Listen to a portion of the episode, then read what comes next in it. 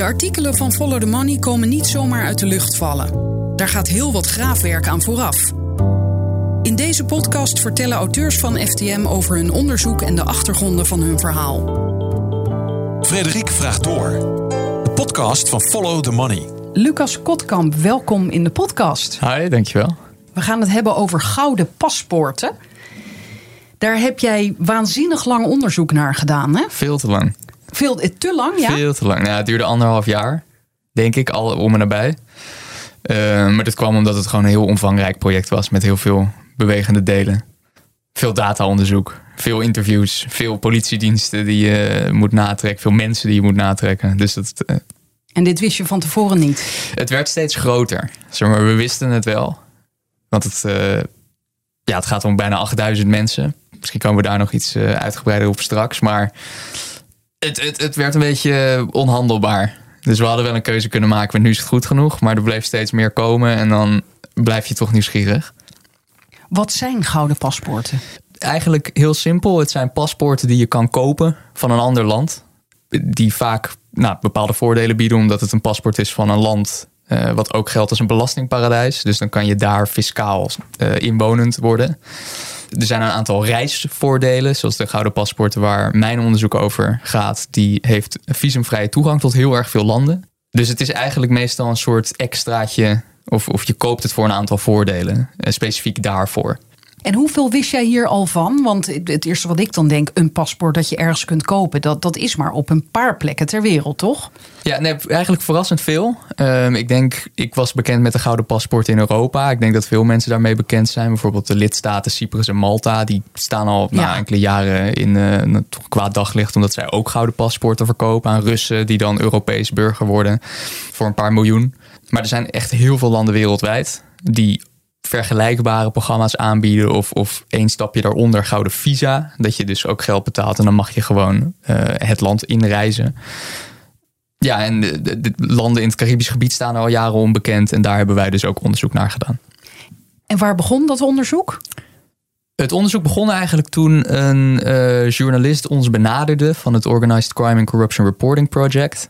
Um, dat is een Amerikaanse journalist, Zach Copeland heb ik ook veel mee samengewerkt tijdens dit onderzoek. En hij is op een gegeven moment naar het eiland wat we hebben onderzocht, Dominica. ligt in het Caribisch gebied tussen Martinique en Guadeloupe. Uh, hij is daar naartoe gegaan en hij heeft een lijst in handen gekregen van heel veel mensen die zo'n gouden paspoort van dat eiland hebben gekocht. Want hij had kennelijk een tip gekregen dat hij op dat eiland moest gaan zoeken. Ja, ja. hij uh, was al een tijdje op zoek naar kopers. Wie zijn het nou die dit soort paspoorten kopen? Uh, iedereen wil dat weten. Het is eigenlijk nog nooit zoals wij nu naar buiten hebben gekregen dat er heel veel kopers bekend zijn geworden. En hij had gehoord dat er in een archief op Jamaica staatscouranten lagen van Dominica. En Dominica heeft een tijdje lang uh, gewoon heel netjes bericht in die staatskrant. Die ik geloof enkele honderden kopietjes heeft. En soms ook niet. En soms ook wel gewoon gepubliceerd wie die paspoorten hebben gekocht. En toen hebben wij nou, onderzoek gedaan naar die namen. Wie zijn dat nou? Proberen vast te stellen dat het ook echt om die mensen gaat. Maar waarom liggen die papieren van Dominica op Jamaica? Ja, geen idee eigenlijk. Dat was, uh, het is het universiteitsarchief waar hij ze heeft gevonden. Dus we denken eigenlijk gewoon historisch onderzoek. Er lagen ook wel meer staatscouranten van andere eilanden, maar die waren voor ons niet zo heel erg interessant. Um, ja, chance, denk ik, gewoon kans. Geluk. Ja, maar hij had iets gehoord van je moet naar Dominica, maar kennelijk ging hij toen ook nog even naar Jamaica. Ja, want nee, precies. Ja, hij was specifiek op zoek naar namen van zo'n eiland. En via via na een paar maanden zoeken, want hij heeft echt in het Caribisch gebied geweest. En ook op uh, andere eilanden, St. Kitts en Nevis, die ook een eiland dat heel erg bekend staat om, om de verkoop van paspoorten. Kreeg hij te horen dat hij daar lijsten kon vinden. Stond er ook al een aantal op het internet, dus er was ook wel wat gelekt, maar dat was heel bescheiden. Het waren misschien 60 namen, maar hij zag wel, oh, die komen uit de staatscourant. Kijken waar er meer zijn. En toen was hij nog maar in zijn eentje hiermee bezig. Ja. Heeft hij toen bedacht, dit moet veel groter worden aangepakt? Of zag hij al meteen dat hij het werk niet meer aankon, omdat het zo om zoveel mensen ging? Ik, ik denk een beetje van beide. Ik heb het niet aan hem gevraagd. Uh, het is wel een van de redenen waarom, die, waarom het onderzoek zo lang heeft geduurd. Want hè, hoe dat vaak gaat bij dit soort onderzoeken, langzaamaan kom je erachter dat er veel meer is dan je eigenlijk uh, dacht of dat behapbaar is. En dan haal je natuurlijk mensen erbij die je kunnen helpen. En, en hij landde als eerste bij het Organized Crime and Corruption Reporting Project, OCCRP. Wat heel veel ervaring heeft met dit soort hele grote onderzoeken. Een paar jaar geleden, ik, nou vorig jaar, twee jaar geleden, uh, waren zij ook de partij achter een heel groot onderzoek naar bankrekeningen van Credit Suisse. Uitgelekt wat voor kwade figuren daar allemaal bankierden om het bankgeheim. Eh, dictators en criminelen, et cetera. Dus dat was een hele logische keuze en zij kwamen weer bij ons. Ja, want Follow the Money heeft al vaker met OCCRP samengewerkt. Ja, ja. En zo kwamen ze dus bij jou. Ja. En uh, een maand geleden ongeveer, toen liep ik even langs jouw bureau. En toen zei je van, uh, moet je eens komen kijken. Heel kort mag je kijken op het scherm. Waar jij inderdaad in een immens dossier zat. Waar je alle namen uh, zag. Mensen die dus uh, gouden paspoort hebben gekocht. Uit welk land ze komen. Wat voor beroep ze hebben. Is, is dat hele systeem opgebouwd door jullie allemaal samen? Ja. Ja, ja, wat we eigenlijk hebben gedaan, dus om, het hele onderzoek is eigenlijk gebaseerd op een heel simpel principe. We hebben een lijst gekregen van bijna 8000 mensen. En wat wij hebben gedaan is eigenlijk wat banken of wat de, de douanes als zij visum, een visum verstrekken ook doen. Gewoon achtergrondonderzoek. Wie zijn dit? Informatie verzamelen. Checken of het wel de juiste mensen zijn. Doe je aan de hand van bijvoorbeeld de geboortedatum. Wat de kans dat iemand met drie namen dezelfde geboorte, dat dat iemand anders is, dat is natuurlijk heel erg klein. En langzaamaan hebben we dus dossiers opgebouwd wie de mensen zijn en wat ze op hun, eventueel op hun kerfstok hebben. Want ze hebben niet allemaal iets op hun kerfstok.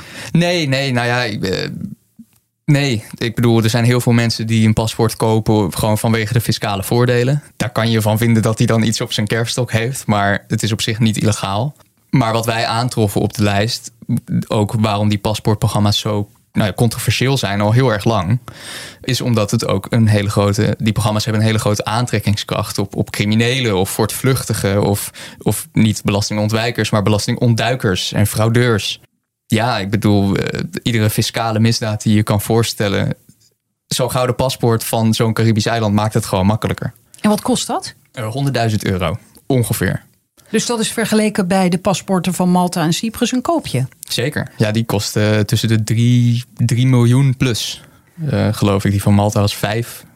Ik heb het niet precies hoor, maar miljoenen. En, want Dominica heeft nog niet door dat je er ook veel meer voor kunt vragen? Ja, nee, geen idee. Ja, misschien trek je andere klanten aan. Dat zou, ja, dat zou het kunnen zijn. Ik, ik weet het eigenlijk niet. En waarom doet een land dit? Ja, om geld te verdienen waarschijnlijk. Ja, nee, bij Dominica was het heel erg duidelijk. Uh, dat was ook, vonden we ook een belangrijk onderdeel van het onderzoek. ik bedoel, we kunnen die namen onderzoeken en zeggen het zijn allemaal kwaaie lui. Uh, maar er zit echt wel een, een, een economische reden, uh, een vrij fundamentele economische reden dat die landen dit soort paspoorten aanbieden. Dominica is een oude Britse kolonie, voormalige Britse kolonie, is ontzettend arm heeft meerdere orkanen meegemaakt de afgelopen 30 jaar die nou, de economie helemaal om zeep hebben geholpen. Dominica stond heel lang bekend om de, om de, om de teelt van bananen en cacao. Eind jaren 90 heeft de World Trade Organization eigenlijk uh, de importheffingen die die industrie, die economie omhoog hielden, afgeschaft. Waardoor Dominica op de wereldmarkt helemaal niet meer kan concurreren. Dus zij hadden helemaal geen enkele route om nog geld te verdienen. En toen hebben ze iets gedaan wat meerdere landen op dat moment gingen doen. Meerdere omliggende Caribische eilandjes. Ze gingen paspoorten, staatsburgerschap verkopen. Want het kost in principe niks, behalve een slechte reputatie. Ja, als je niks te verliezen hebt, dan ja. Ja, dan. Eh, dan maar waarom heeft de Wereldhandelsorganisatie dit dan gedaan? Uh, het had te maken met de bananenhandel. Uh, best wel lang waren de koloniën in, in het Caribisch gebied werden heel erg ondersteund of nou, heel erg ondersteund. Ze werden in ieder geval ondersteund om toch mee te kunnen doen op de wereldmarkt. En ik geloof in ergens in de jaren negentig hebben, hebben een aantal bananenproducenten vooral een klacht ingediend bij de Wereldhandelsorganisatie. Oneerlijke dat het, concurrentie. was oneerlijke concurrentie, oneerlijke staatssteun. En uiteindelijk zijn ze daar meegegaan. Want ja. als je heel recht in de leer bent, dan is dat ook zo. Maar ja, hoe groot is, is de hoeveelheid Dominicaanse bananen op de wereldmarkt nou precies? En kunnen we ze niet gewoon Nou ja, voor wat het is. dit lijkt me inderdaad, maar daar komen we dan straks op, eh, een politieke afweging als je iets Ja. zou willen doen hieraan. Maar nog even, het is, het is niet illegaal. Een land kan dus besluiten, oké, wij gaan paspoorten verkopen. Eh, die worden dan door sommige mensen gouden paspoorten genoemd. Daar verdienen we geld aan. Vragen ze daar nog iets voor terug of alleen maar geld? Nee, er zijn twee opties. Als jij bijvoorbeeld een paspoort zou willen kopen van in dit geval Dominica, dan kan je of een ton neerleggen en dan krijg je er een. Als je door de keuring komt. Of je investeert voor twee ton aan vastgoed op het eiland. De overheid daar heeft ook een aantal projecten, villa's, eh, resorts. Eh, dat is dan ook weer een kans voor hun om later toerisme aan te trekken. En dan kan je daarin investeren en dan krijg je ook een paspoort. In principe, die, die programma's, zeker die van Dominica, heet ook het Citizenship by Investment programma. Dus het is echt de bedoeling om, om buitenlands kapitaal aan te trekken. Dus je kan jezelf dan ook als een soort weldoener presenteren. Van ik leg twee ton neer. Daar kunnen zij iets van bouwen. Ja. En ik kan vrij reizen door de Europese Unie bijvoorbeeld. Ja, ja, en heel veel mensen doen dat ook. Eh, heel veel mensen die we hebben benaderd, hebben dat ook gezegd. Eh, we, ik, weet je, ik bedoel, er zijn best wel veel mensen op de lijst die zo'n paspoort hebben, die we gewoon hebben gesproken. Ik bedoel, niet iedereen is een crimineel die eh, wil ontsnappen, maar gewoon. Was je verbaasd toen de eerste gewoon de telefoon opnam? Nee, nee, eigenlijk vond ik het wel logisch. Het zijn zoveel mensen. Er zitten ook een aantal klein zijstapjes. Er zijn ook een aantal dissidenten bijvoorbeeld die zo'n paspoort hebben. Het kan zijn dat je wil ontsnappen van eh, uit Iran of zo, of uit Syrië, weet ik het. En je, je wil in het Westen wonen, dan helpt zo'n paspoort ook. Ehm, dat is ook iets waar die paspoorthandelaren altijd mee zwaaien. Weet je wel. Het is een mogelijkheid om je te ontdoen van een, van een repressief regime. Dat is ook zo. Maar ja, ik bedoel, er zijn geen signalen dat het echt opweegt tegen hoe vaak het wordt misbruikt. Eh, en het is nog steeds alleen maar voor de vermogenden. Want als jij een vluchteling bent, dan kan je niet een ton neerleggen. Of vaak niet. Nee. Uh, voor zo'n paspoort. Jij, um, jij, wees mij ook op dat scherm toen op de voormalige hoofdveiligheidsdienst van Afghanistan.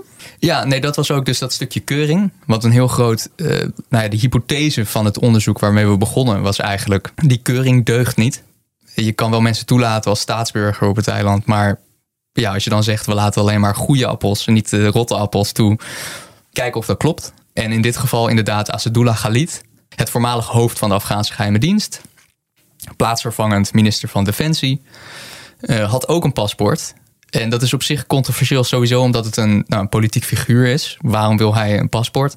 Uh, waar ontsnapt hij aan? Waarom zou hij incognito willen reizen? Dat soort vragen. Maar hij wordt ook nog beschuldigd van allerlei dingen. Uh, ook niet door de minste. Canada, een aantal Canadese ambtenaren heeft hem... Uh, de Canadese ambassadeur in Afghanistan heeft hem in 2009 beschuldigd van drugshandel. En de medeplichtigheid aan het laten ombrengen van vijf medewerkers van de Verenigde Naties. Hmm.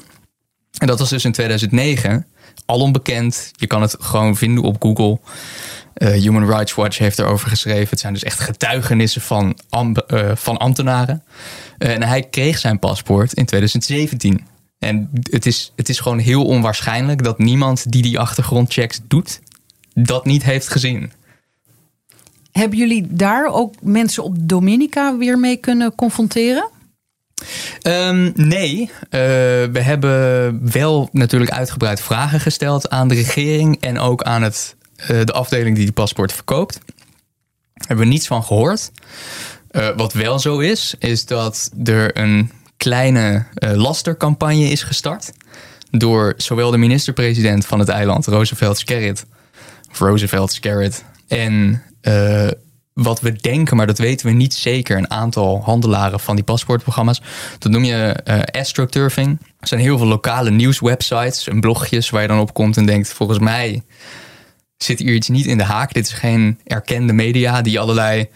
Nou, je hebt heel veel fake news gepubliceerd over ons. In een persconferentie heeft de minister-president uh, Skerrit dus ook gezegd, al een maand geleden voor publicatie, dat we internationaal werd samengesweerd door internationale journalisten om het paspoortprogramma om zeep te helpen.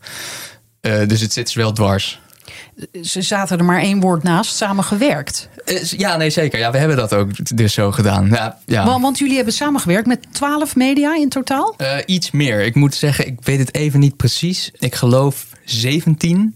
Maar noem eens een paar 16. voorbeelden. Nou, eh, bekende media zoals Le Monde en The Guardian in Frankrijk en het Verenigd Koninkrijk. Nou, Follow the Money natuurlijk. Uh, OCCRP als initiatiefnemer en uh, een aantal kleinere Heidi in ja, die Zwitserland. zag ik. Die heb ik even opgezocht. Ik dacht, Heidi, wat is naam, dit nu? Ja. Dat is een onafhankelijke journalistieke website in Frans sprekend Zwitserland. Ja, ja, een soort Follow the Money van Frans Ja, eh, en die noemen zichzelf dan Heidi. Heidi News. Ja. Ja, ja Oké. Heidi.news. Maar, maar het klinkt alsof iedereen die mee wilde doen, mee kon doen. Nou ja, die, die netwerken zijn heel erg close. In zekere zin. Ik bedoel, eh, het is een beetje een vertrouwensband. Daarom werken wij ook vaker met ze samen. Want eh, nou ja, ze vinden ons een prettige partner. Eh, en wij hun ook. Het is een lijst van 8000 namen. Eh, go to town. Weet je wel. En als je iets tegenkomt, prima. Er zijn ook media afgehaakt omdat ze dan nou, ja, ofwel te kleinschalig waren. of dan niet iets tegenkwamen wat echt relevant was voor hun. Wij hebben natuurlijk ook Follow the Money EU. En het is echt een Europees probleem. Maar we hadden ook Italiaanse media die uiteindelijk toch geen Italiaanse paspoorthouders tegenkwamen. En dan denken, Ja, want het kost een hele Ja. hoop tijd, hè, wat je zei, om dit allemaal uit te pluizen. Dus er moet wel wat uitkomen, lijkt me. ja, nee, zeker. Ja, en je zegt, eh, we hebben natuurlijk eh, Follow the Money Europa. Eh, voor de mensen die dat niet weten, ftm.eu. Daar worden heel wat artikelen van de site vertaald in het Engels. ja.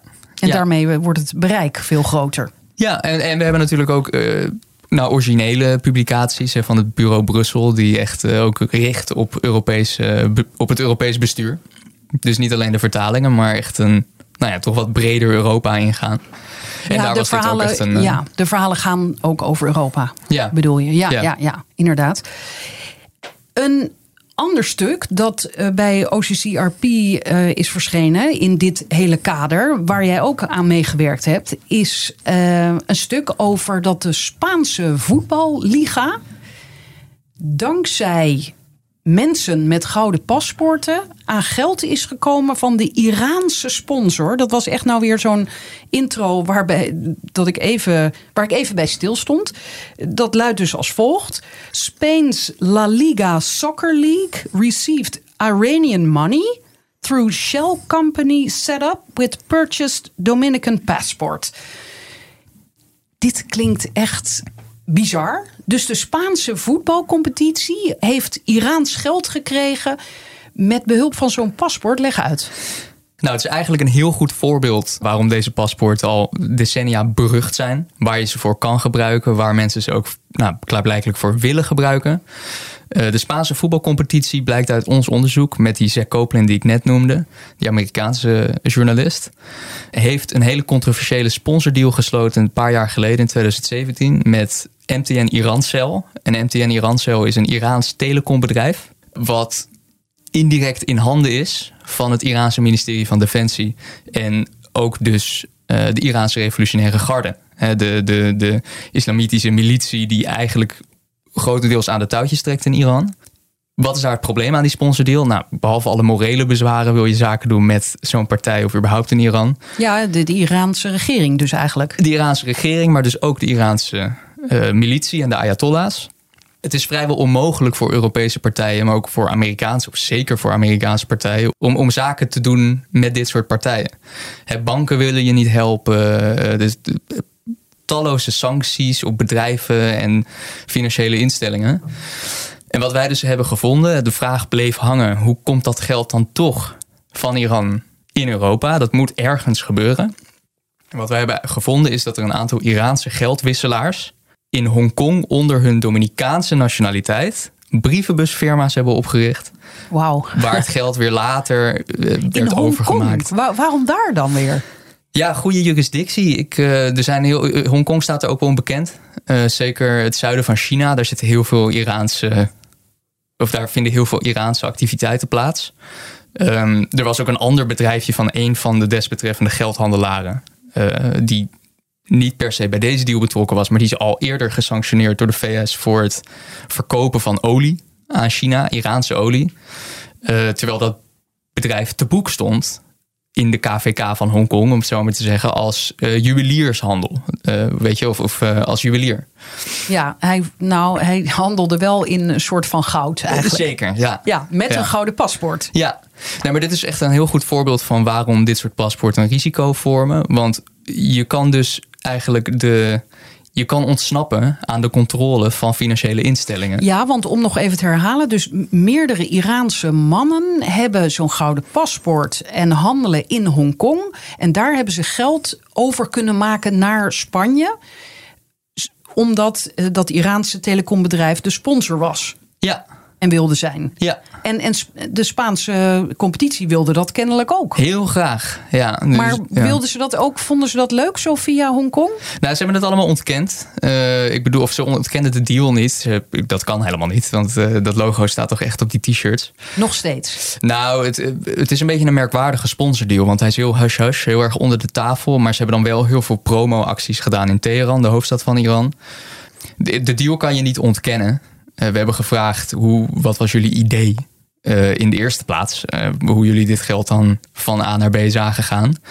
Eh, daar wilden ze niet echt op antwoorden. Ze hebben een aantal dingen die we hebben gezegd ontkend of nou ja, niet gereageerd. Dat is ook altijd heel interessant als wij zeggen... we zien dat er brievenbusfirma's zijn gebruikt in Hongkong om geld over te maken naar de Marshall-eilanden, een ander belastingparadijs, en vervolgens weer naar Singapore en dit en dat. Of Singapore niet, maar hè, dat soort gebieden. En daar hebben ze eigenlijk een beetje omheen geluld, omheen gepraat. Ehm, ja. Ja, dus ze willen er eigenlijk niet aan herinnerd worden. Nee, nou ja, het is, het is gewoon een hele vreemde deal. Weet je, ik bedoel, we hebben ze ook op de mannen afgevraagd. Wat is, de, zeg maar, behalve het geld, hè? Even vanuitgaande dat er een soort secundair doel was, behalve het geld. Wat is het idee dat jullie dit wilden doen? En daar hadden ze eigenlijk helemaal geen, eh, geen antwoord op gegeven. Eh, het is ook een hele merkwaardige deal. Hij is gesloten in 2017. Nou, als het gaat om Iran, de relaties van Iran en het Westen, is dat op zich een gunstig moment.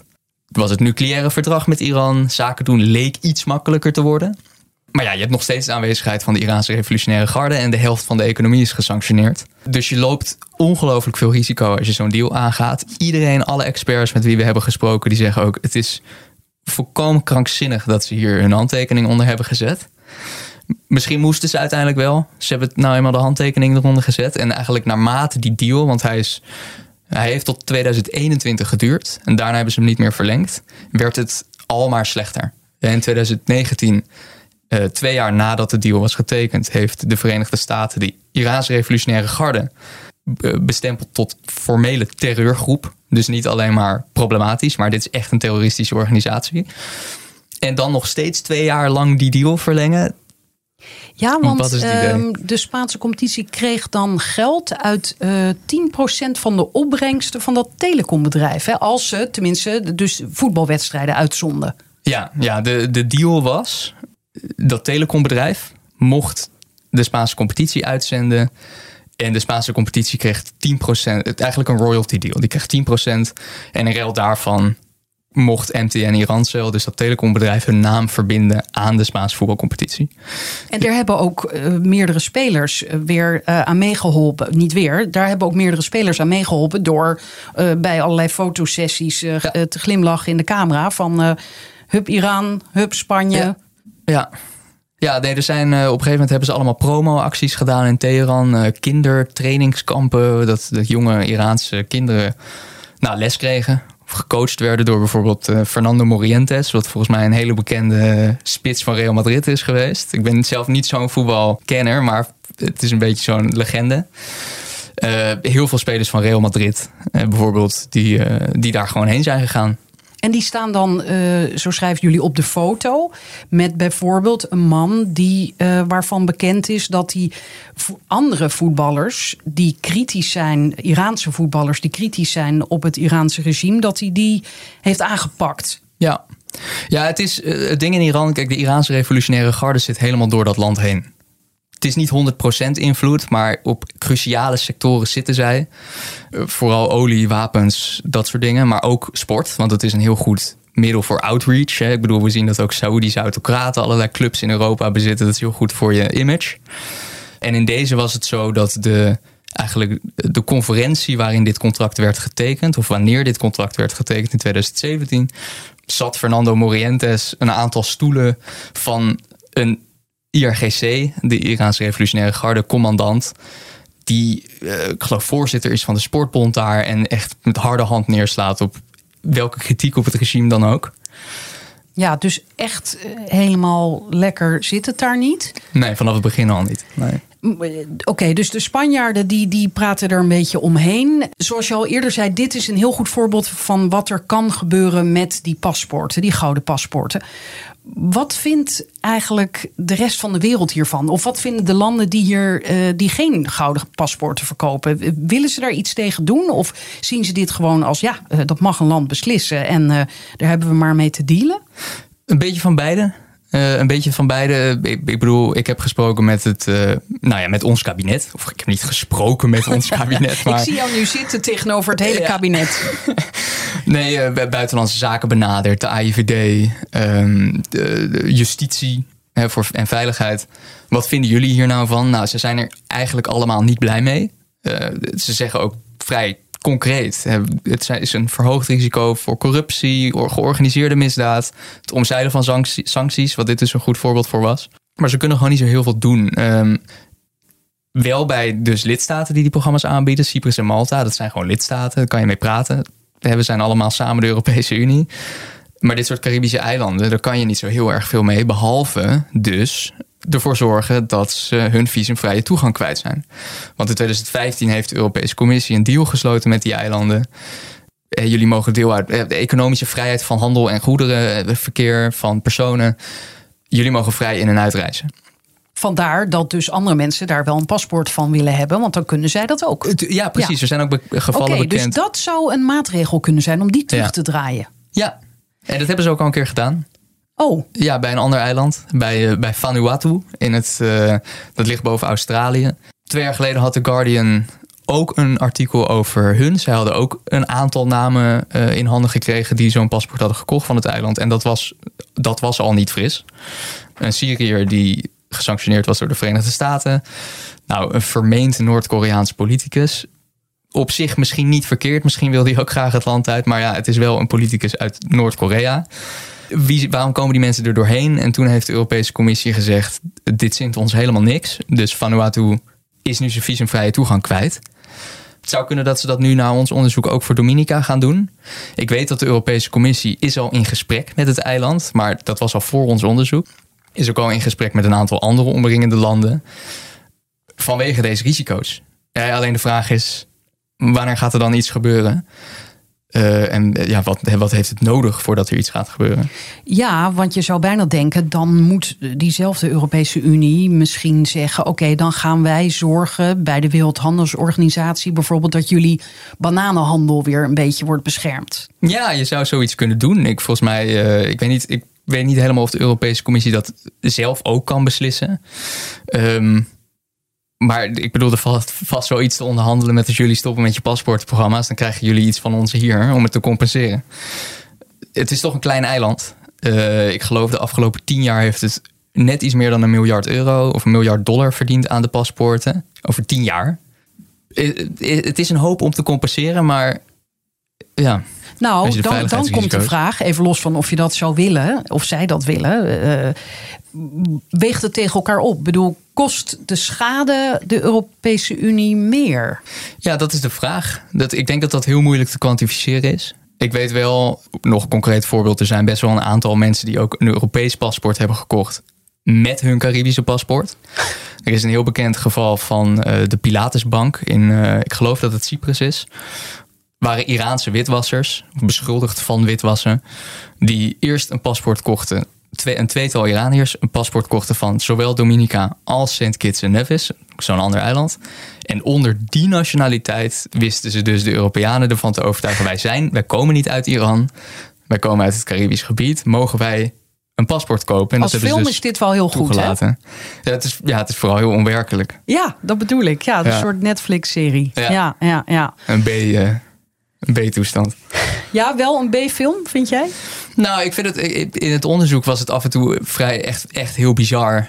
eh, om te zien wat er nou gebeurd was. Weet je, van dat, dat voetbalverhaal is natuurlijk heel kleurrijk. En a- in, in zekere zin ook heel logisch. Eh, Natuurlijk gaan ze proberen om sancties te omzeilen op deze manier. Want het is gewoon een hele slimme route. Totdat iemand gaat kijken. Maar er waren ook gevallen dat we echt dachten: dit slaat helemaal nergens op om een paspoort voor dit soort dingen te gebruiken. Er was eentje, dat is eigenlijk wel een hele leuke. Dat was een uh, voormalig hedgefund manager in New York. Die kreeg op een dag per ongeluk 2 miljoen, om en nabij de 2 miljoen dollar overgemaakt van Credit Suisse. En in plaats van het terug te storten, kocht hij een paspoort en verdween die. uh, ja, je bedenkt het niet. Nee.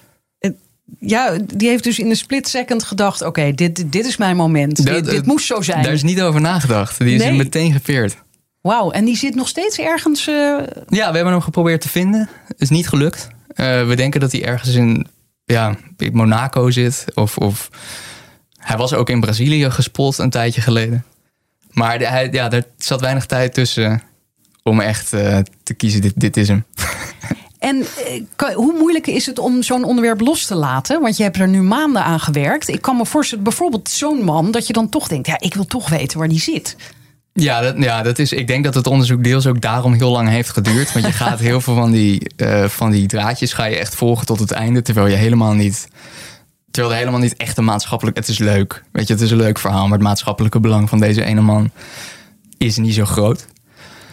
Um, hoe ja, gaan we ermee door? Ik denk het is goed ook om hierover te publiceren, omdat het nou, lezers, maar ook opsporingsdiensten een beetje de handvatten geeft om te begrijpen: ah ja, shit, op deze manier kan dat dus.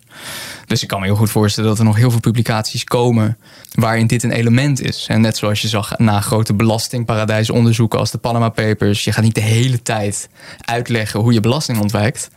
Maar als je dan ziet, hij bankiert in Panama, maar het is een Fransman dan denk je wel twee keer na en dan weet je in ieder geval waar je moet zoeken. Dankjewel. Graag gedaan.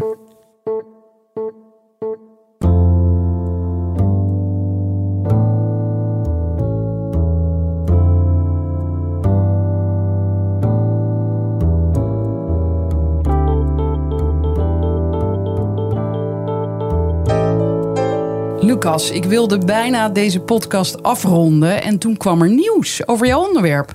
Ja. En wat is het nieuws? Nou, ieder jaar publiceert de Europese Commissie een rapport over alle visumdeals die ze hebben met landen buiten de Europese Unie. Dus hè, wat voor afspraken hebben we met landen dat, ze, dat je vrij mag reizen, of zoals in het geval van Dominica, dat je dus visumvrij mag reizen. Nou, onlangs is dat rapport gepubliceerd, een aantal dagen na ons onderzoek. En wat daar heel opmerkelijk aan is, is dat ze voor het eerst ooit, ze publiceren dat rapport ieder jaar sinds 2017, ook alle Caribische landen hebben opgenomen. En daar ook schrijven over Dominica dat ze zich zorgen maken over de nationaliteiten die ertussen zitten. Er zitten veel Libiërs, Nigerianen, Syriërs en Iraniërs tussen. En dan willen ze eigenlijk. Uh, het doel eigenlijk wat de commissie nu graag zou willen, en dat gaan ze ook bespreken met het parlement en de Europese Raad, is dat het makkelijker wordt voor de commissie om landen te weren alleen op basis van het feit dat ze een gouden paspoortprogramma hebben. Nou, bijzonder. Ja, en ik denk dat ze het stuk gelezen hebben. Nou, ik weet, wel, ja, ik weet wel zeker dat ze het stuk gelezen hebben. Het rapport kwam vrij snel op ons onderzoek, eh, vier dagen. Maar we hebben ze maanden geleden voor het eerst al vragen gesteld. Dus ze, ze wisten echt wel dat we ermee bezig waren. Um, ja, en het feit dat ze dus die Caribische programma's er nu toch bij hebben ingefietst, dat, dat is toch wel heel opmerkelijk.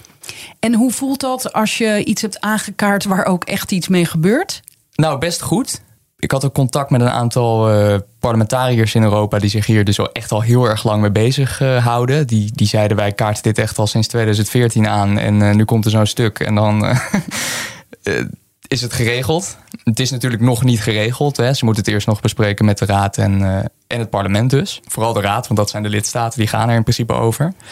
Um, maar dat er nu echt concreet iets gaat veranderen, lijkt wel uh, zeker. Dankjewel. Graag gedaan. Al meer dan 40.000 mensen maken het werk van Follow the Money mogelijk. Ook lid worden? Ga naar ftm.nl.